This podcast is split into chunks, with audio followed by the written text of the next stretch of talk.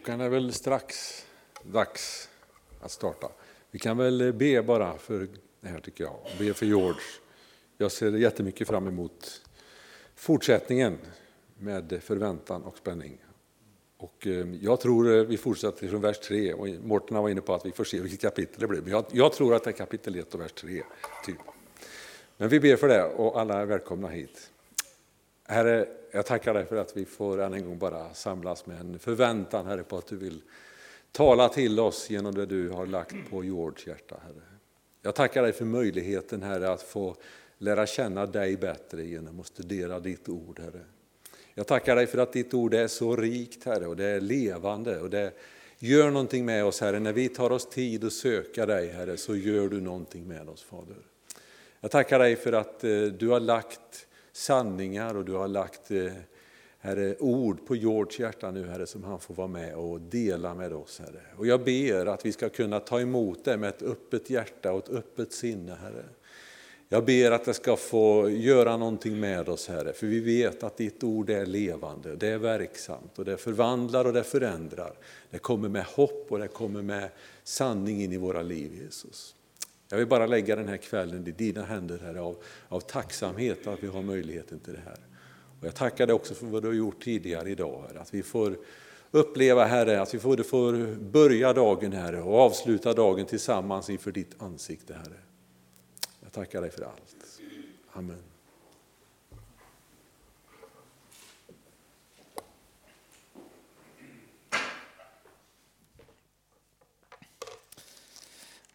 Jag tror faktiskt att eh, vi kommer längre än bara vers 3 idag. Mm.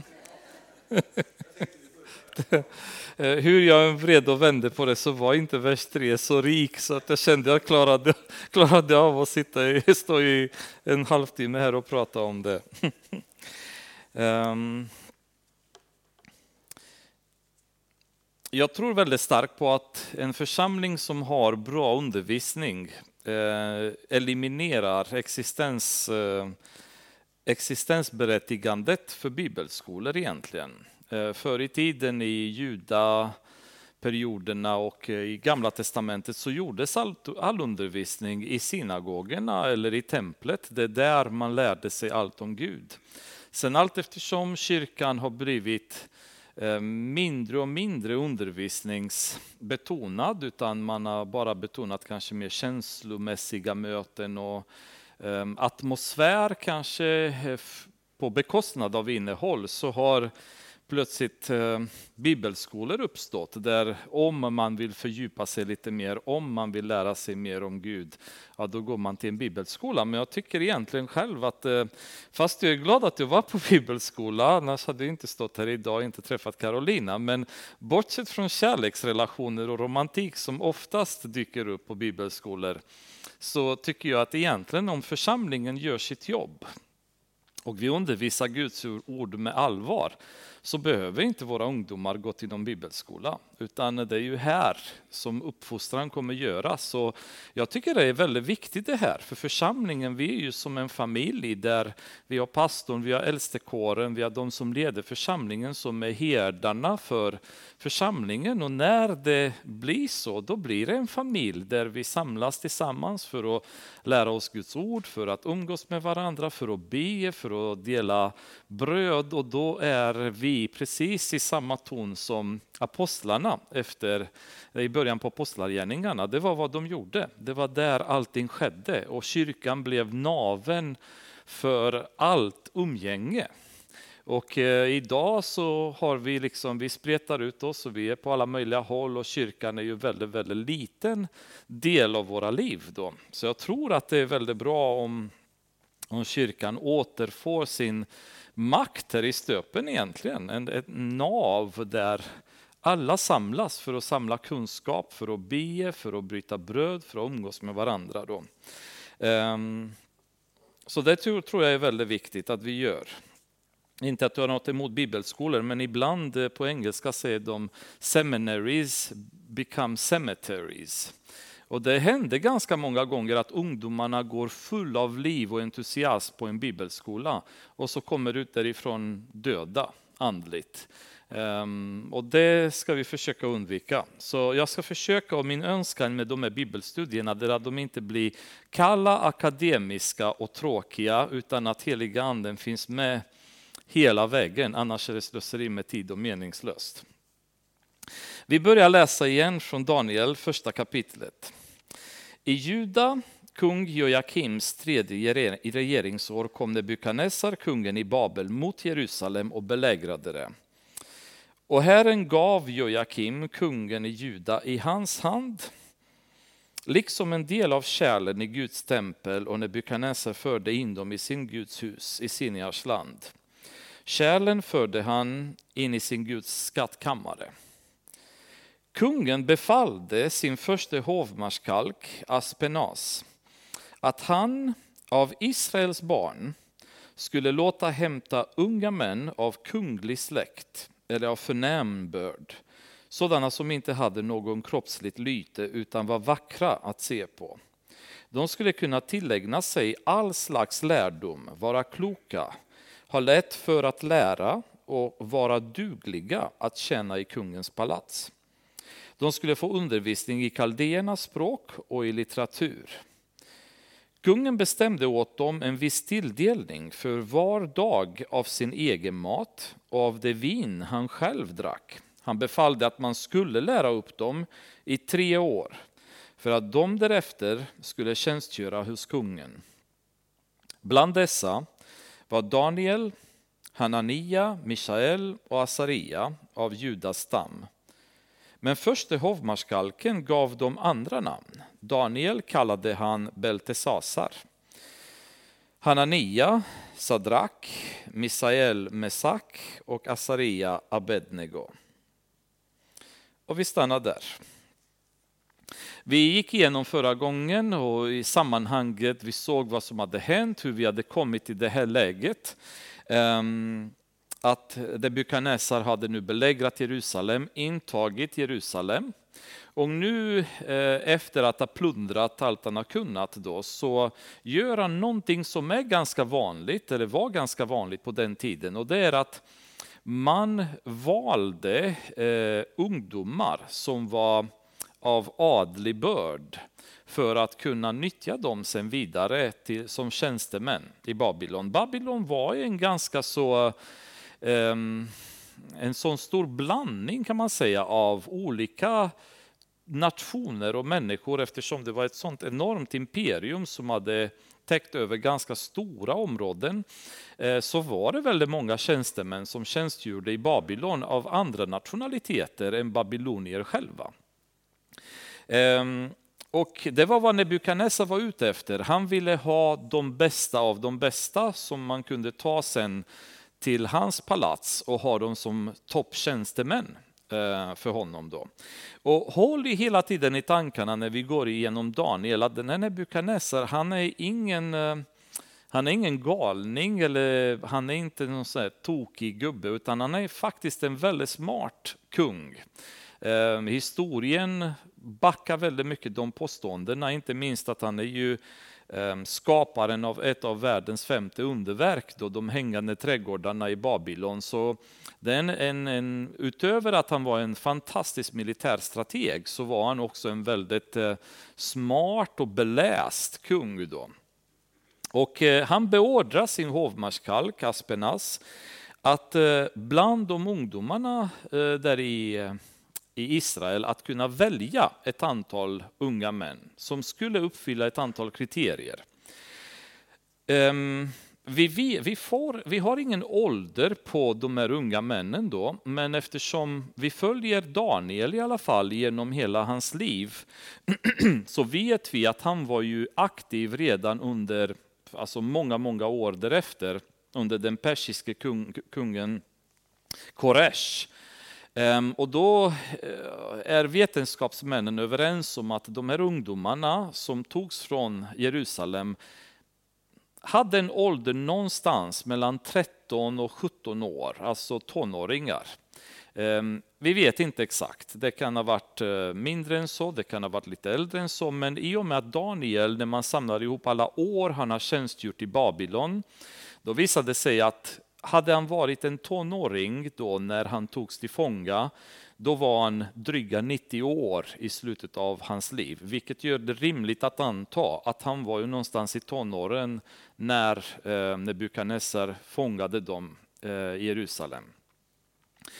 Eh, tänk på sammanhanget nu, alltså nu pratar vi Eh, ungdomar som hade levt ett gott liv. De här ungdomarna var inte bönder, det var inte slavar, utan de var kunglig börd. Och vi läste förra veckan profetian som eh, Jesaja hade gett där han sa att de kommer, babylonierna kommer att ta folk från din, ditt, ditt palats och kommer släppa dem till Babylon. Och det är precis det som har hänt. Så Nebukadnessar säger, ta några ungar som ska vara av kunglig eller adlig börd är någonstans eh, fina människor kan man väl säga. Och de här rycks bort nu från sina familjer, från den omgivning de har vuxit upp, från allting som var trygghet för dem. Och nu snackar vi inte vi råbarkade stridsmän i 30-40-årsåldern som har fått vara ute på fältet i många år är vana vid att eh, inte vara med sina familjer, utstå eh, så att säga, hårda villkor och så vidare, utan vi pratar om tonåringar som hade levt hemma med sina familjer, visste inte något bättre kan man väl säga, eller sämre, utan de hade ett tryggt och bra liv vid hovet eller palatset, eller var de nu var i Jerusalem. Och detta tar slut omgående i ett, en tidig period i deras liv. Då. Och eh, kan man förbereda sig för sånt, tycker man? Kan vi förbereda oss för att det kommer perioder i våra liv när allting vi känner till och all trygghet, ehm, all säkerhet, allt som, som gör oss glada kan ta slut över en natt. Är vi beredda för det? Är vi beredda att det en dag kanske blir ett krig? Eller att en dag kanske får vi en aggressiv sjukdom som plötsligt sätter stopp för allting som vi har drömt om eller allting vi har tänkt att vi skulle göra med våra liv, med våra familjer, med våra barn, våra barnbarn, våra planer att läsa vidare, att utbilda oss. Att det kan finnas situationer i våra liv när allting tar abrupt slut. Är vi beredda att möta de här situationerna? Klarar vi av att gå vidare med Gud när de situationerna uppstår? Och det är precis det vi behöver ta reda på nu när vi går igenom Daniel. Och återigen, nu pratar vi om tonåringar, alltså Elise, Ester, Deborah, alltså den åldern. Kevin kanske. Det är i den åldern som någon kommer, rycker bort dem från de familjer de levde i och släpper dem, om ni kommer ihåg kartan sen förra gången, flera tusentals kilometer. Flera års vandring genom svåra förhållanden i öknen och eh, som, som så att säga fångar eh, i ett land de inte känner till, ett folk de vet ingenting om, eh, en kultur de har ingenting gemensamt med gudar som de inte tror på och ett liv, en livsstil som inte passar dem alls. Så föreställ er situationen när de här tonåringarna sitter nu och är på väg mot den här situationen i, i, i ett okänt område och skräcken som det måste vara i deras liv. Och med detta i åtanke så är jag ännu mer fascinerad sen när man går vidare och ser deras sätt att agera. Men vad Nebukadnessar var ute efter här, eh, han, ville, han sökte vissa egenskaper. Eh, för det första så ville han att de skulle ha en fin börd, att de skulle vara kunglig släkt eller ha en förnäm börd, säger det. Med andra ord, han, han, sökte vissa politiska egenskaper i dem. De ska representera ett samhällsskikt.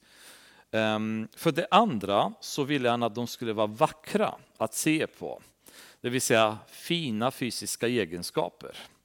För det tredje så ville han att de skulle vara kloka och smarta, eh, vilket är ju mentala egenskaper som man sökte efter då. Och för det sista så skulle de vara dugliga att känna i palatset för honom då. Vilket man kan säga det är ju sociala egenskaper. Ehm, och det är ju ganska tydligt vad han är ute efter där. Han vill ha topp människor. De ska vara snygga, de ska vara smarta, de ska vara socialt anpassade och de ska ju ha, så att säga, representera en, en politisk skikt eller en nivå i samhället. Han vill inte ha bönder, han vill inte ha hantverkare, han vill ha liksom de som var från, från översta skiktet. Um, och det är väl det som världen letar efter idag kan man väl säga. Um, när vi väljer människor, när världen söker människor så söker de snygga människor, de söker människor från översta lagren i sam samhällen. De söker människor som um, ska vara trevliga, sociala, uh, lätt att umgås med och så vidare. Och sen uh, mentala egenskaper, alltså du ska vara smart, du ska vara skärpt och så vidare. Och det är ju det är ju så många gånger som Gud går emot det här. Även om Jesus så sägs det i Jesaja att han, han var inte attraherande, alltså han, var inte, han lockade inte blicken till sig på något sätt genom något utseende. Ehm, många av de människor som Gud har valt i Bibeln var nobodies. Alltså Jesus gick och plockade fiskare och människor från lägsta samhällsnivå. Och det värsta dessutom så tar han en tullindrivare som ovanpå allt annat då, som om det inte hade räckt med alla andra losers då som han hade plockat med sig. Ehm, så emot allting som världen har som standard. Världen har skönhet och du ska vara skärpt och smart och du ska vara socialt trevlig och så vidare. Medan Jesus söker helt andra egenskaper när han väljer människor och han söker det. Men ehm, det var vad i alla fall Nebukadnessar letade efter. Ehm, vi kan läsa lite grann, eh, eh, några verser från första Samuel. Jag gissar att ni hade gissat att vi kommer läsa Samuel när vi pratar om egenskaper och utseende. Det är nästan bästa boken för att läsa det. Eh, första Samuel 16 kapitel. Eh, Samuel är skickad av Gud för att välja en ny kung. Eh, för det första hade de valt Saul först. Och Saul hade de valt därför att, vad står det i Bibeln, han var huvudet högre än alla andra. Så de tittade på honom och sa att han, han, ser bra ut, vi väljer honom som kung. Då. Eh, nu har de fått nog av det sättet att välja en kung, så nu skickar Gud Samuel eh, för att välja nästa kung. Då. Och Samuel går lite grann som man brukar och ska, ska möta familjen där han, är, han ska välja kungen. Så eh, han vet att han ska möta Davids familj då och kommer fram dit i vers 6 säger när de kom dit och han fick se Eliab tänkte han, det är säkert Herrens moder som står här inför Herren. Men Herren sade till Samuel, se inte på hans utseende och, och på hans resliga gestalt, ty jag förkastat honom. Så Samuel han går och gör exakt samma sak som de hade gjort med Saul förut och säger men han är ju längst av dem alla, det måste vara, det måste vara han som är kvalificerad att vara kung. Och, och Gud säger till Samuel, strunt i det, strunt i att han är lång och strunt i hur han ser ut, för jag har förkastat honom. Men Herren sade till Samuel, se inte på hans utseende och hopp och hans resliga gestalt, ty jag har förkastat honom, ty det går inte efter vad en människa ser. En människa ser det som är för ögonen, men Herren ser till hjärtat.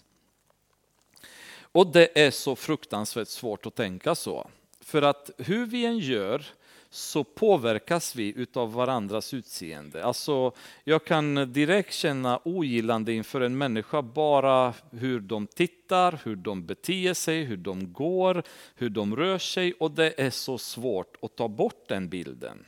Det är så svårt att tänka sig att ja, men jag, jag, jag fokuserar inte på detta.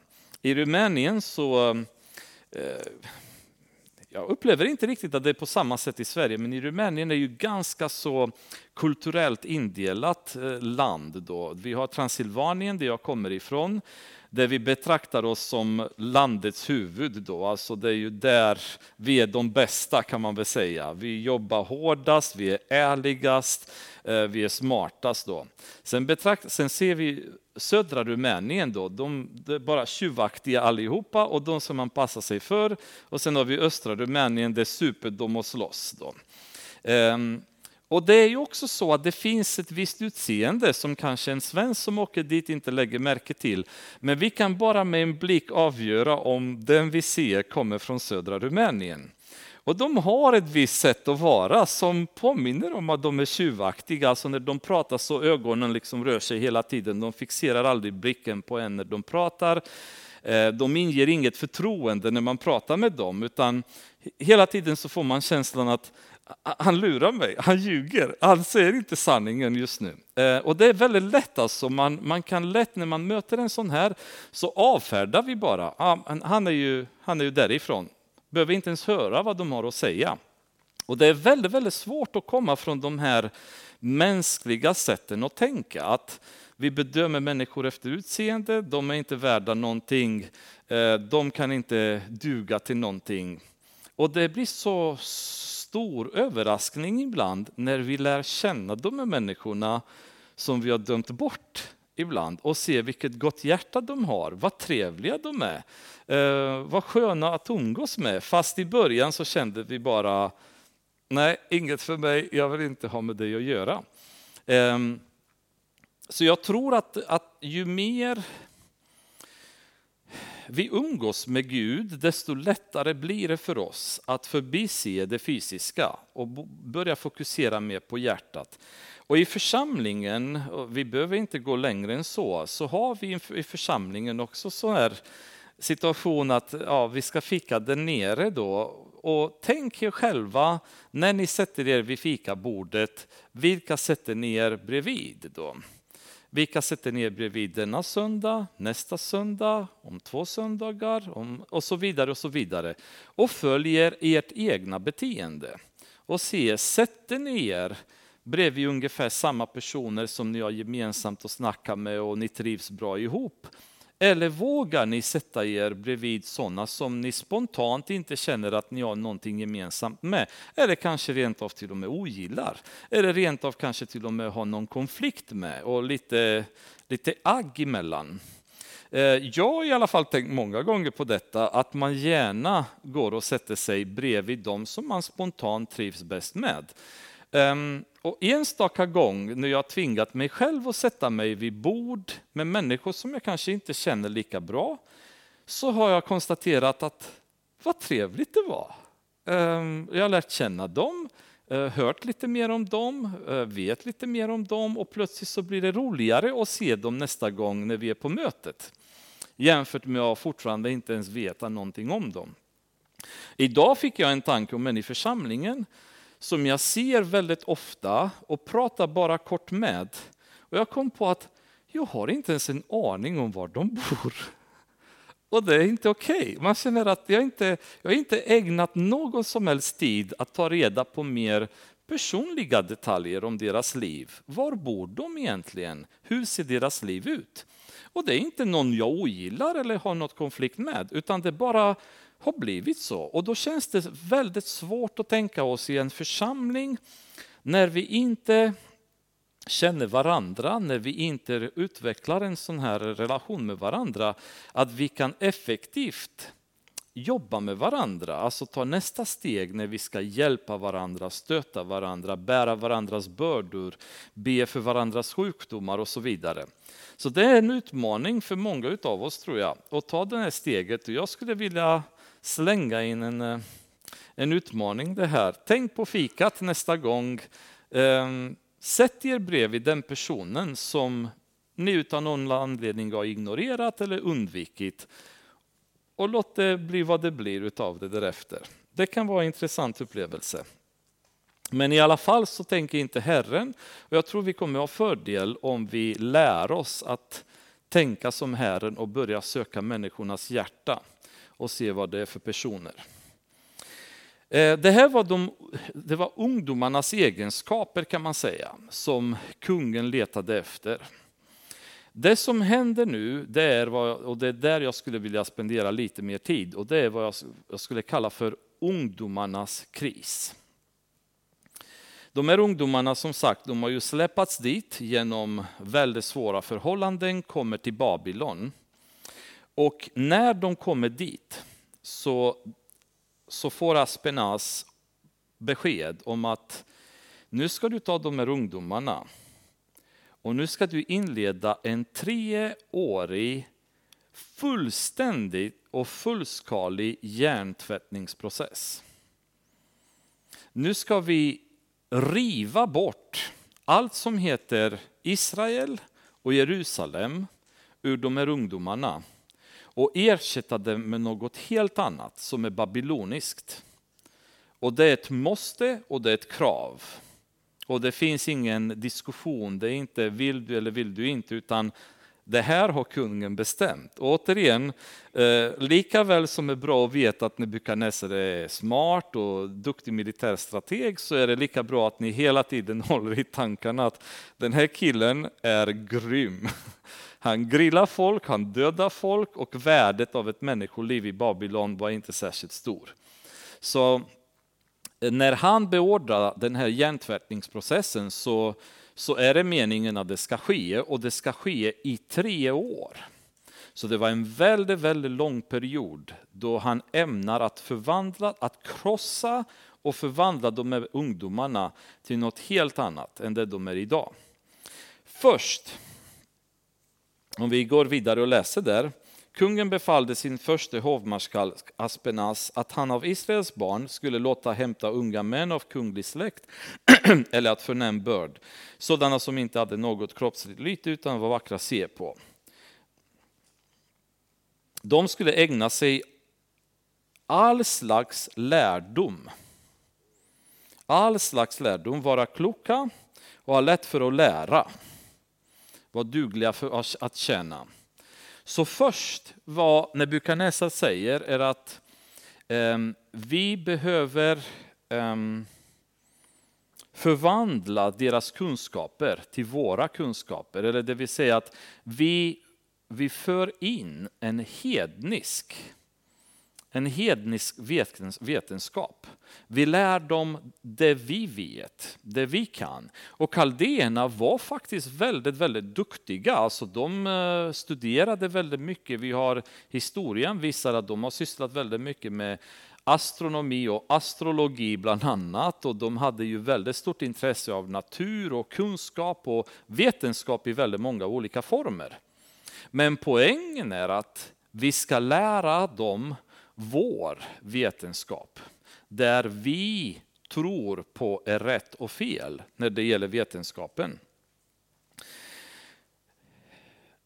Och det är precis, man kan väl säga när det gäller Nebukadnessar så kan ni ersätta Nebukadnessar i den här versen, eller kungen, med djävulen. För det är precis det som händer. Det han använder här är metoder som djävulen konstant använder med oss.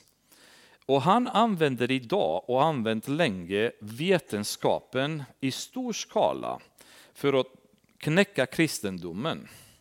Och vi behöver inte gå till hela världen utan vi kan fokusera på Sverige. Konstant, konstant genom skolor, högskolor, universitet så propageras en vetenskap som är helt anti-Gud på alla sätt och angriper Eh, den bibliska tron och angriper den kristna tron från alla håll. Inte minst det senaste, att man inte får säga före Kristus, utan nu ska man säga före vår tid. Bara en sån grej. Alltså perverst ersätta allting som är kristet, som är bibliskt, med något helt annat. Och mata in det här i eleverna från väldigt, väldigt tidigt stadium tills de blir så att säga, gamla och går på högskola och universitet. Hela tiden den här kunskapen om att kristendomen är fel. Det här är vetenskap. Det ni tror på inom kristendom, det där är bara tro, det, det är sägner. Det här är vetenskap. Och vetenskapen är det som gäller. Det här är bevis för. Det här finns det inget bevis för. Och det är jättefrustrerande när Elise kommer hem och berättar vad de har lärt sig i skolan och sitta där och tänka varför går mina barn till skolan överhuvudtaget? När skolan har förvandlats till ett antigudvapen. Alltså tro tro eller ej, men de spenderar så extremt mycket tid idag, inte med att kanske bara göra matte eller bara göra svenska eller bara lära sig historia eller geografi, utan en stor del av skoltiden idag går ut på att forma barnen till de samhällsmedborgare som vi vill att de ska vara där vi pratar med barnen om vikten av feminism. Vi pratar med barnen om vikten av homosexualitet och tolerans gentemot alla typer och former av, av sexuella perversiteter i samhället. Man går och, och, och, matar in så att säga, i barnen kunskapen om evolution. Människan är inte skapad av Gud, utan det är skapat av en eh, Big Bang som ingen vet vad det är och var det kommer ifrån. Då.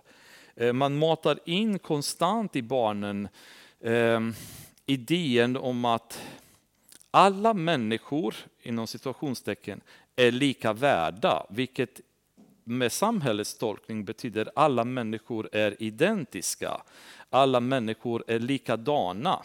Eh, ingen är annorlunda än den andra. Ingen ska prioriteras mer än den andra och så vidare. När vi ser i Bibeln, bland annat Gud pratar om David, han var mannen efter hans hjärta. Det ser han inte om andra, det ser han om David. Han var mannen efter Guds hjärta. Hans leverne och hans beteende har gjort att Gud har betraktat honom som en man efter mitt hjärta. Men andra människor betraktar Gud inte alls på samma sätt. När, när judarna kom in för att inta Kanans land säger Gud till dem, massakrera hela staden när de skulle besegra vissa städer. Vad konstigt, för alla människor är likadana, alla har lika värde. Nej, alla hade inte det.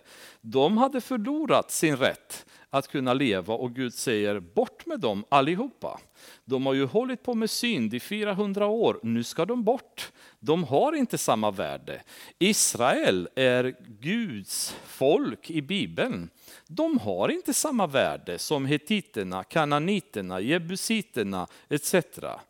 Visst älskar Gud alla, men samma värde? Nej, för hans rike hade Israel ett helt annat värde. Och det han ville göra genom israeliterna var han inte intresserad av att göra genom hetiter och jebusiter och kananiter.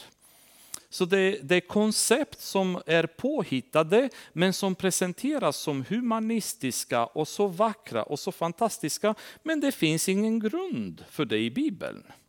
Det finns ingenting i Bibeln som säger det. Tvärtom så gör Gud väldigt många gånger skillnad på människogrupper och människogrupper.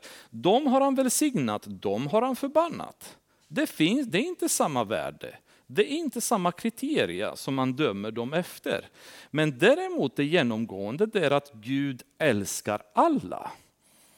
Han älskar inte mig mer än någon annan eller någon annan. Och även de som är värsta möjliga syndare älskar Gud och väntar på att de ska ångra sina synder och komma till honom och vill ha dem. Och de situationer till exempel i Bibeln när kungar i Israel har begått fruktansvärda synder, de har ju byggt tempel och altare till avgudar. Och så plötsligt så fattar de att de har gjort fel. Kanske en profet har pratat med dem, kanske Gud har meddelat dem på ett annat sätt. Och så förstår de att vi har gjort fel. Och så ångrar de sina synder och så välsignar Gud dem därefter. Och man bara känner, men hur är det möjligt efter allt de har skapat? Jo, därför att det finns förlåtelse. Så Gud är beredd att förlåta, Gud är beredd att gå vidare med värsta möjliga personen. Men hela konceptet att alla är likadana, alla har samma värde, det finns ingenting som stöds i Bibeln. Det finns koncept, det finns i Jesus så finns det inte man och kvinna, eh, jude eller eh, grek. Men betänk, i Jesus, i Jesus, när vi kommer till Jesus, då har alla samma värde. Därför att hans blod har tvättat oss alla, vare sig vi är kvinnor, män, judar eller greker. Alltså eh, judar eller vilken annan nationalitet som helst. Då, då är vi likadana, då har vi samma värde när vi kommer i Jesus.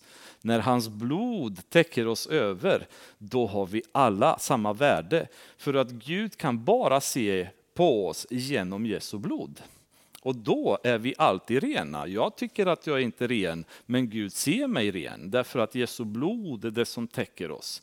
Och det är ju styrkan. Men att därefter påstå att även de som är utanför Jesu blod, de är precis, de har samma värde. Det finns ingenting som stöds i Bibeln, men ändå i våra skolor så läses detta hela tiden. Vi har normer och spelregler i samhället idag som alla baseras på de här koncepten.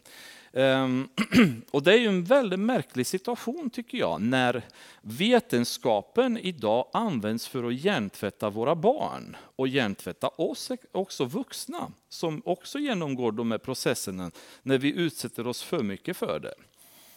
Så det blir så många gånger att skolan används idag för att hjärntvätta barnen, för att eh, mata in, injicera in eh, perversa tankar om hur samhället är byggt och hur allting ska vara. Eh, jag kommer ihåg, det var det mest avskräckande som Elise berättade för mig när de hade i klassen. Eh, då skulle de lära sig att hantera olika könsriktningar. Då.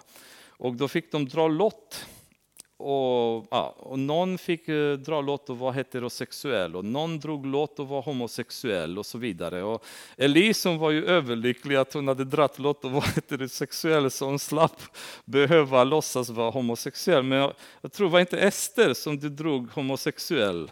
Eh, och då fick de spela rollspel i skolan och liksom hur det är att vara homosexuell och hur du ska bete dig gentemot en homosexuell och bara känna det här är skolan. De är där för att lära sig matte och de är där för att lära sig geografi. De är inte där för att lära sig sexuella perversiteter. Det är inte därför jag skickar mina barn till skolan. Men hela konceptet idag i samhället, så skolan används som ett vapen för att avkristna landet.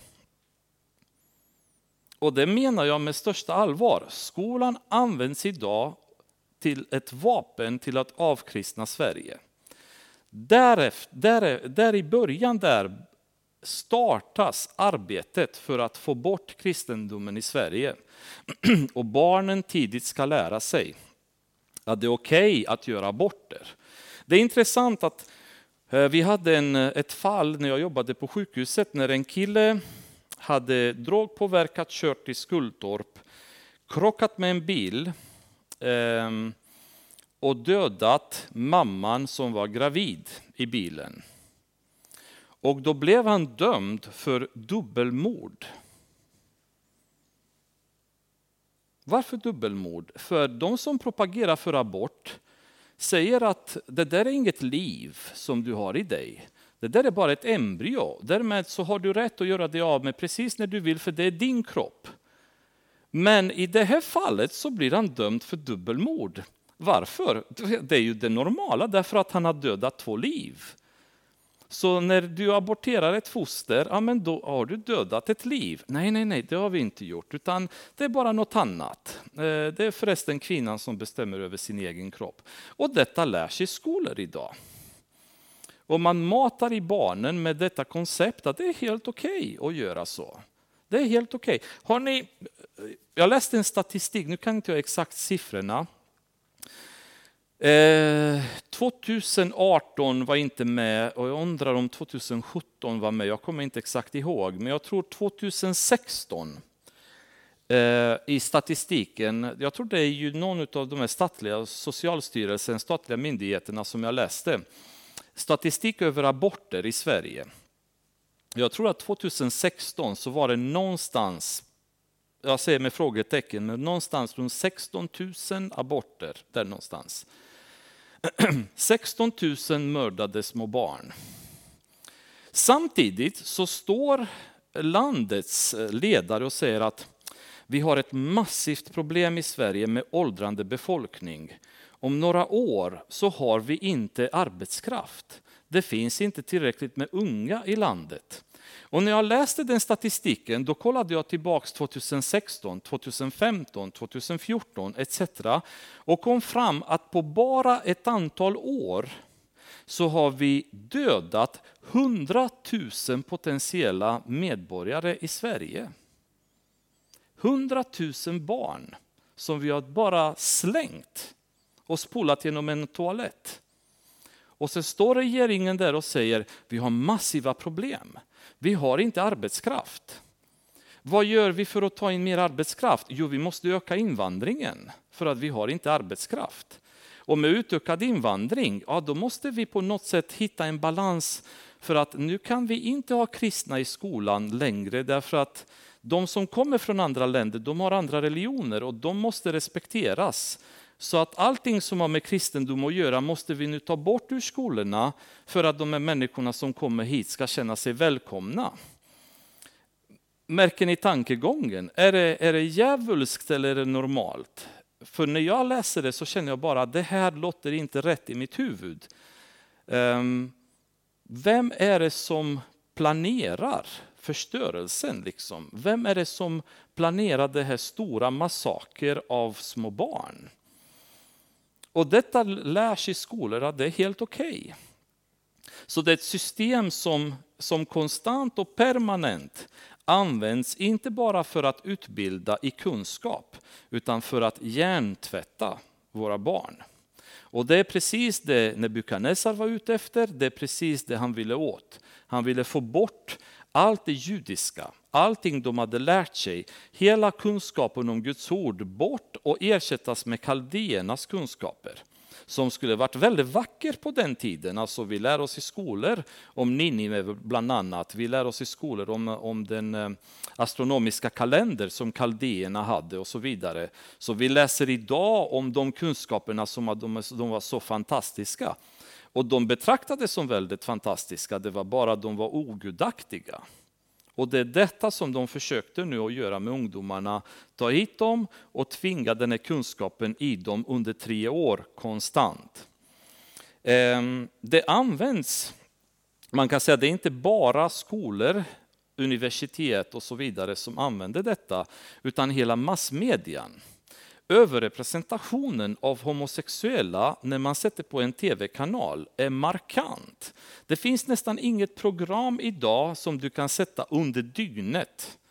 Om, om du tar någon av programmen som inte innehåller, innehåller någonting med, om homosexualitet eller med homosexuella.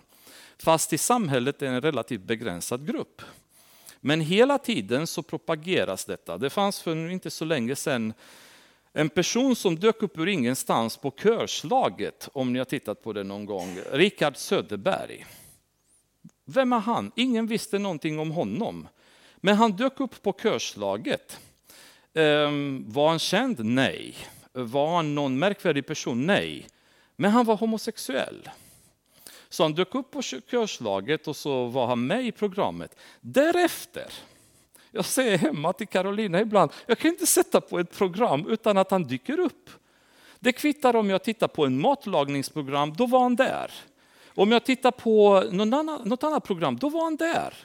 På vilka villkor? Vad har han gjort? Inget. Men han, han är homosexuell.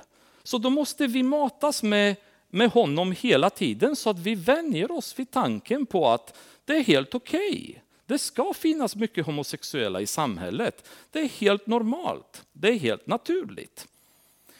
Varför detta är så viktigt? Jag vill inte gå in på det, men jag tror väldigt starkt att antikristen som kommer, kommer att vara homosexuell. Det finns verser i Hesekiel som tyder på att peka åt det hållet. Och jag tror väldigt starkt på det. För att det är en sån enorm kampanj världen över just nu för att propagera för homosexualitet. Alltså till och med i arabländerna som är, de har spretat emot ganska länge. Även där, i Saudiarabien, alltså de hugger huvudet av dig om du bara säger fel grej. Men nu så är det debatt i Saudiarabien kring att, eh, att eh, ge rätt till homosexuella och befinna sig där i landet. Då. Och det var sista landet jag hade trott att överhuvudtaget ens den diskussionen kommer att komma upp.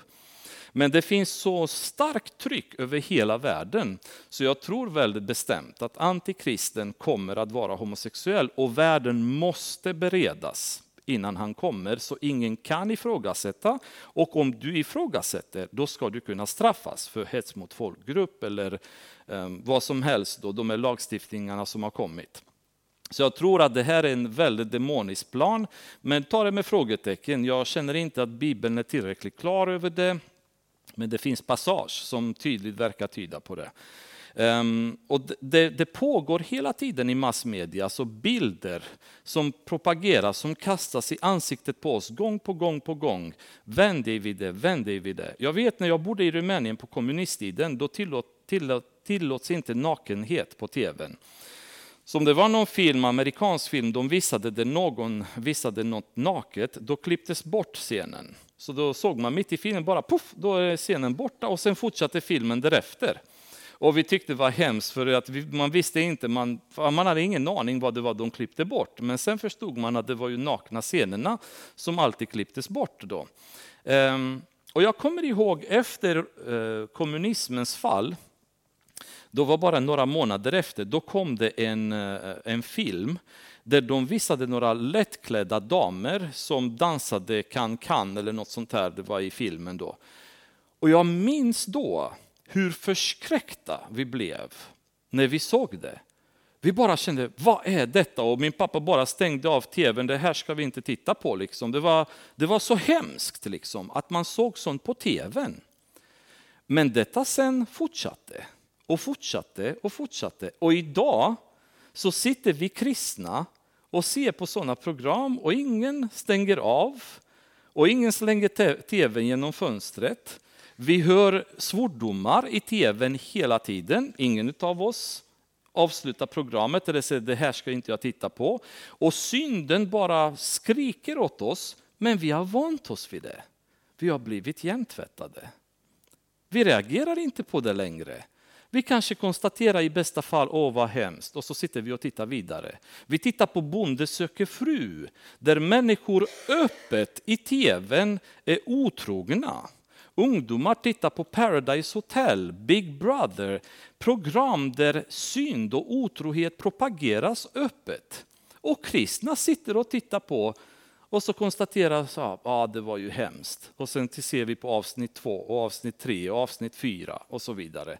För att jag vill se om man blir ihop med henne eller med henne. Vi har blivit hjärntvättade, även vi kristna. Vi är inte i Babylon och vi ligger inte i fångenskap, men vi är fångar.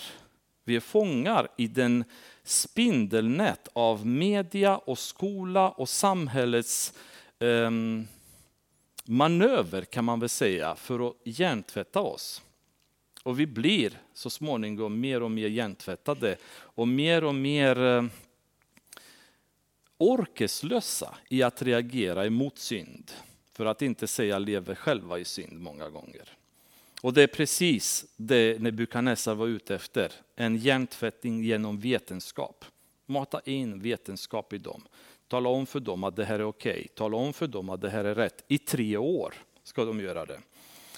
Nästa steg så skulle de få äta kungens mat och dricka kungens vin. Alltså tänk på situationen.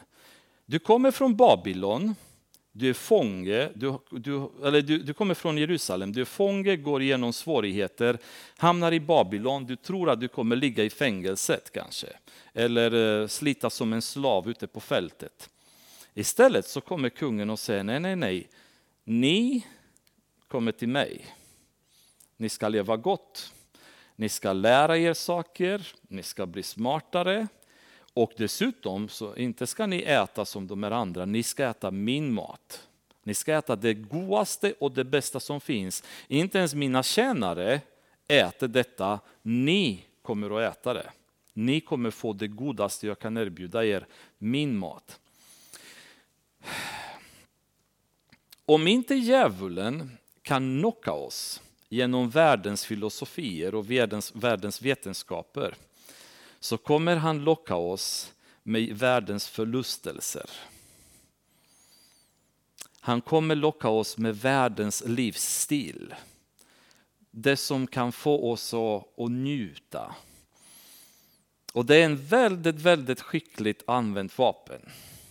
Att han använder sig av det som världen kan, kan göra att vi njuter av det. Och det är många människor som har kämpat, jag nämnde det förut och nämner det igen för jag tycker det passar alltid bra i sammanhanget. Människor som under kommunisttiden i Rumänien blev fängslade. De genomgick fruktansvärda eh, perioder i fängelse för sin tros skull.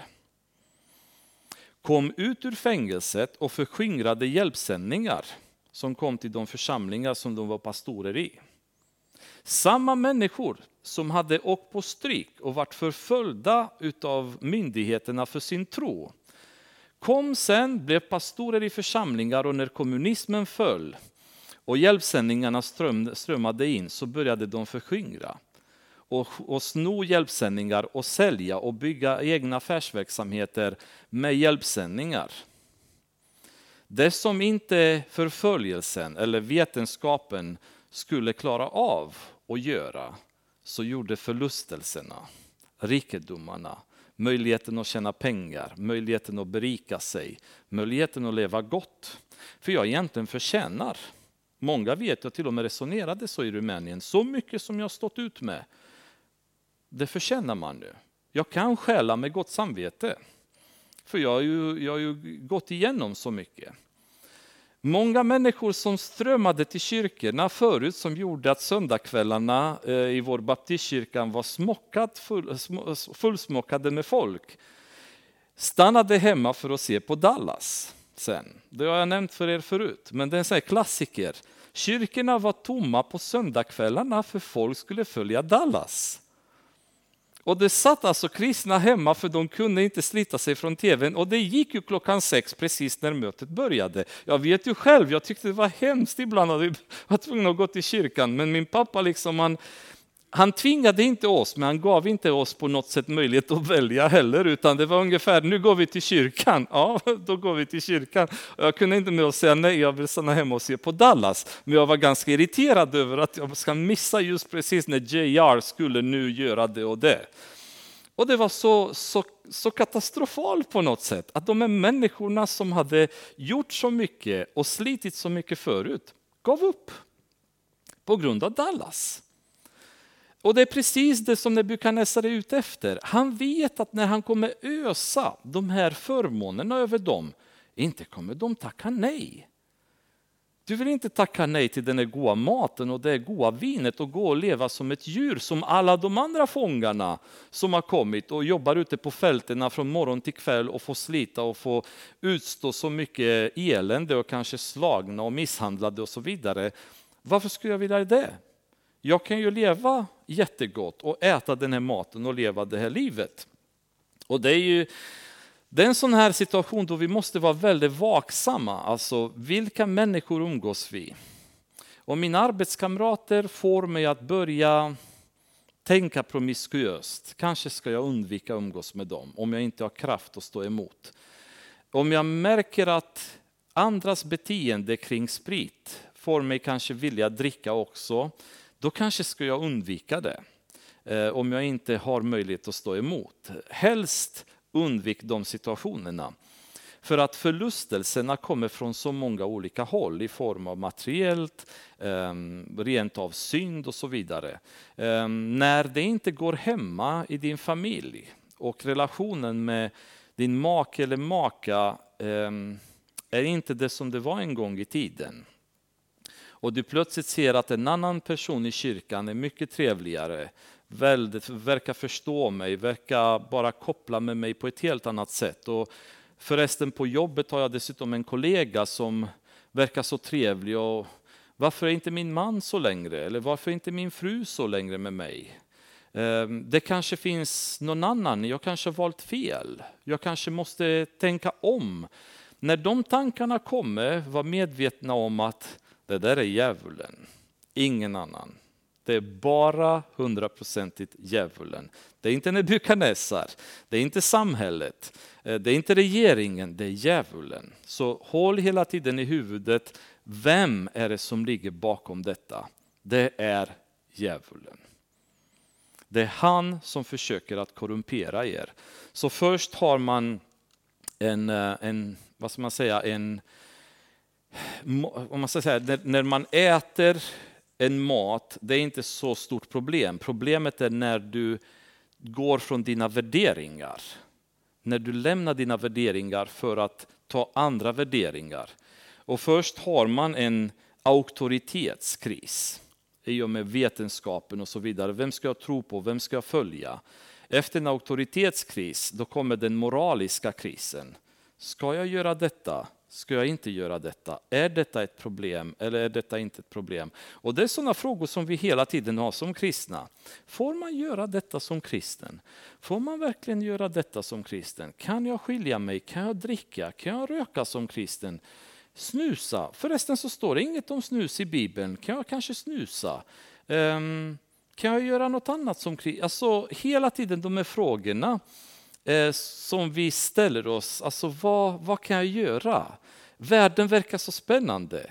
Det är så mycket som jag skulle vilja ta och göra, men får jag göra det? Och egentligen så är det vårt eget samvete under heliga andens eh, närvaro som oftast talar om för oss vad vi får göra och inte får göra. Guds ord är klar. Där kan vi inte fuska så mycket, för det står ju ganska tydligt att du ska icke vara otrogen. Ja, men då kan jag komma till Gud hur mycket jag vill och berätta att jag känner mycket mer kärlek från den här personen än från min fru eller min man. Ja, jag tycker att vi förstår varandra bättre. Ja, jag tycker inte att vi hittar varandra. Det verkar som det har slocknat. Alla de här argumenten, bara spola dem rakt in i toaletten för de är helt värdelösa. För Gud säger du skall icke. Punkt slut. Allt annat som jag vill komma med förklaringar, men Gud du förstår inte. Det är så jobbigt för mig, jag har inte känt kärlek på 50 år. Liksom. So what? Liksom. Det, det, spelar ingen roll. Du skall icke vara otrogen, du skall icke vara med någon annan fru eller med någon annan man, oavsett vilka fina argument du kommer med. Eh, men däremot det vi får göra när svårigheterna kommer, det är att gå till Gud och gråta. Om vi har ett äktenskap med problem, då vet vi var, var läkedomen finns. Det är till honom vi ska gå och gråta och söka honom och be Gud, hur ska jag överleva detta? Vad kan du göra för mig? Kan du hjälpa mig snälla? Och det är fullt möjligt att göra. Men att sen springa till grannfrun för att hon verkar vara mycket, mycket trevligare och mycket mer förståndig, det är ju ingen argument som håller. Och det är hela tiden i Guds ord, när vi har det här svart på vitt, du får inte göra så, du ska inte göra det.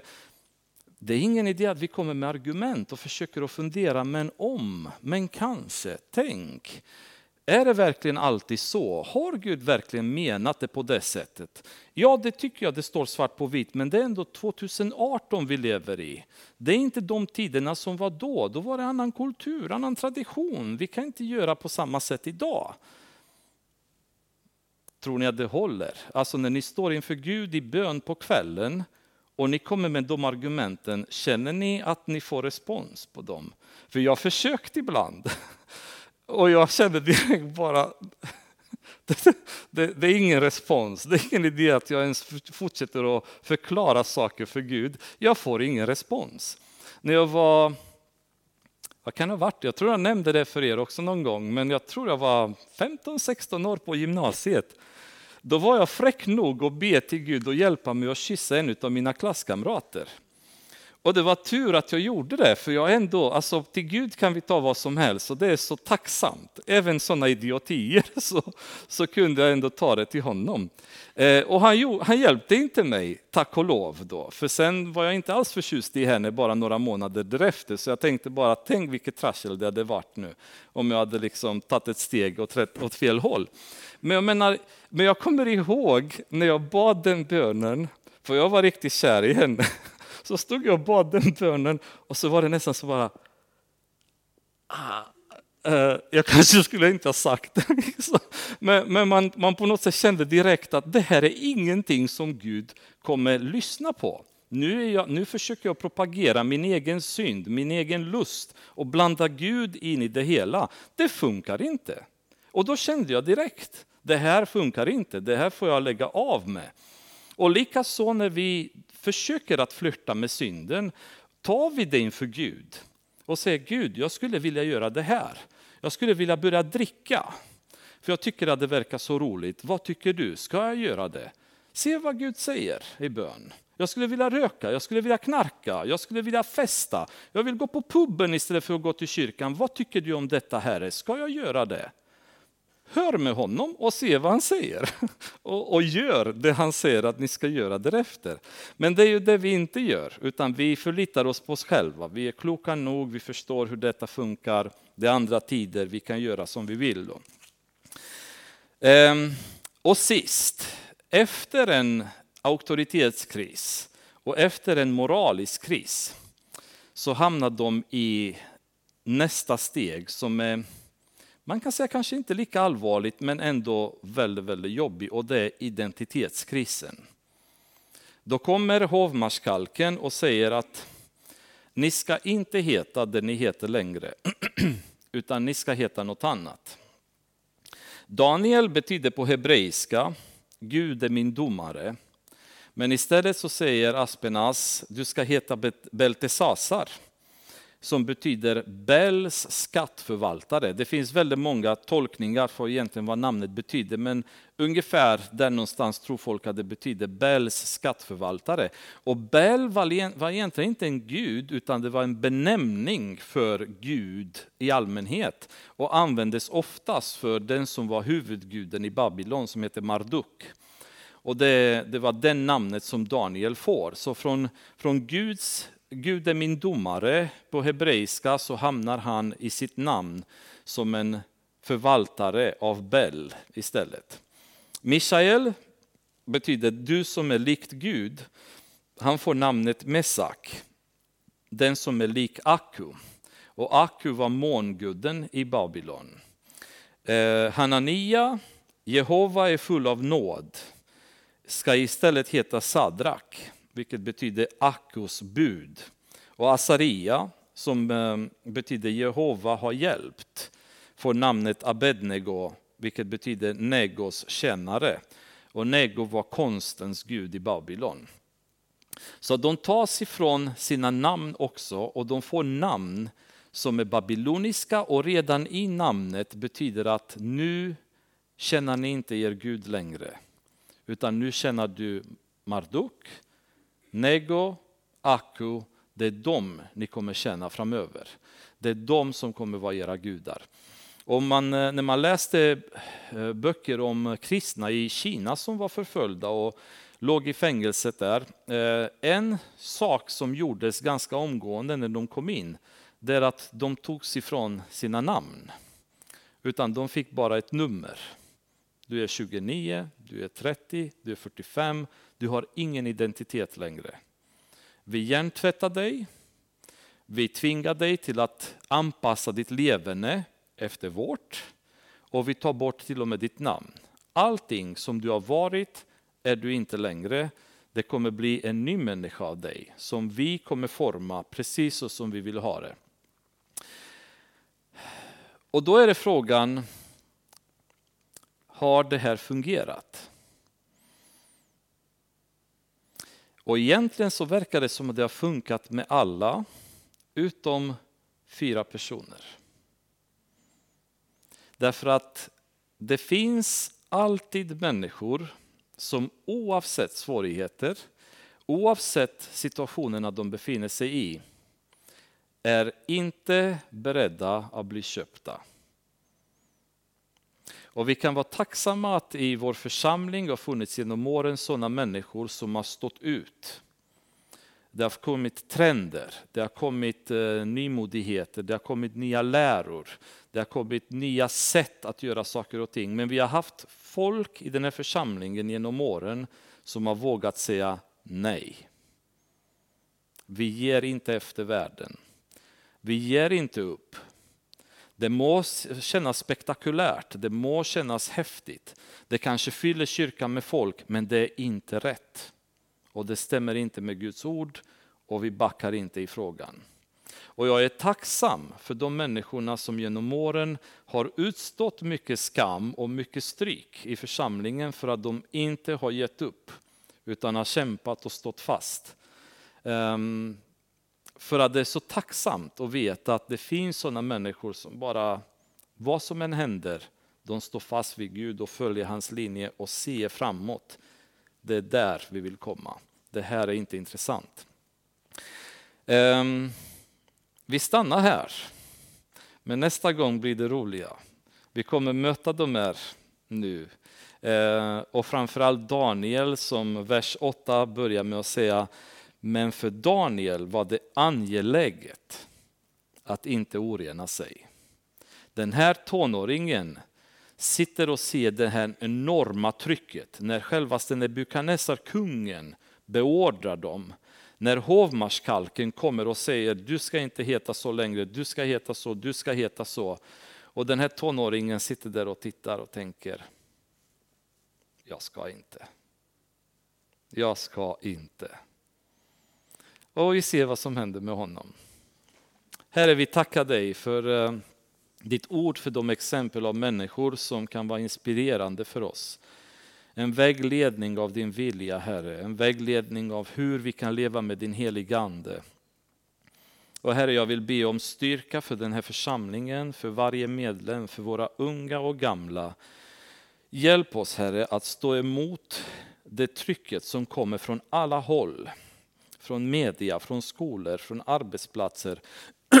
att vi ska efterlikna världen mer och mer, Herre. Hjälp oss att stå fast vid vår tro inte backa, inte ge upp Herre och förlita oss på din styrka och kraft i allt detta, för du är starkare än han som är i världen, Herre.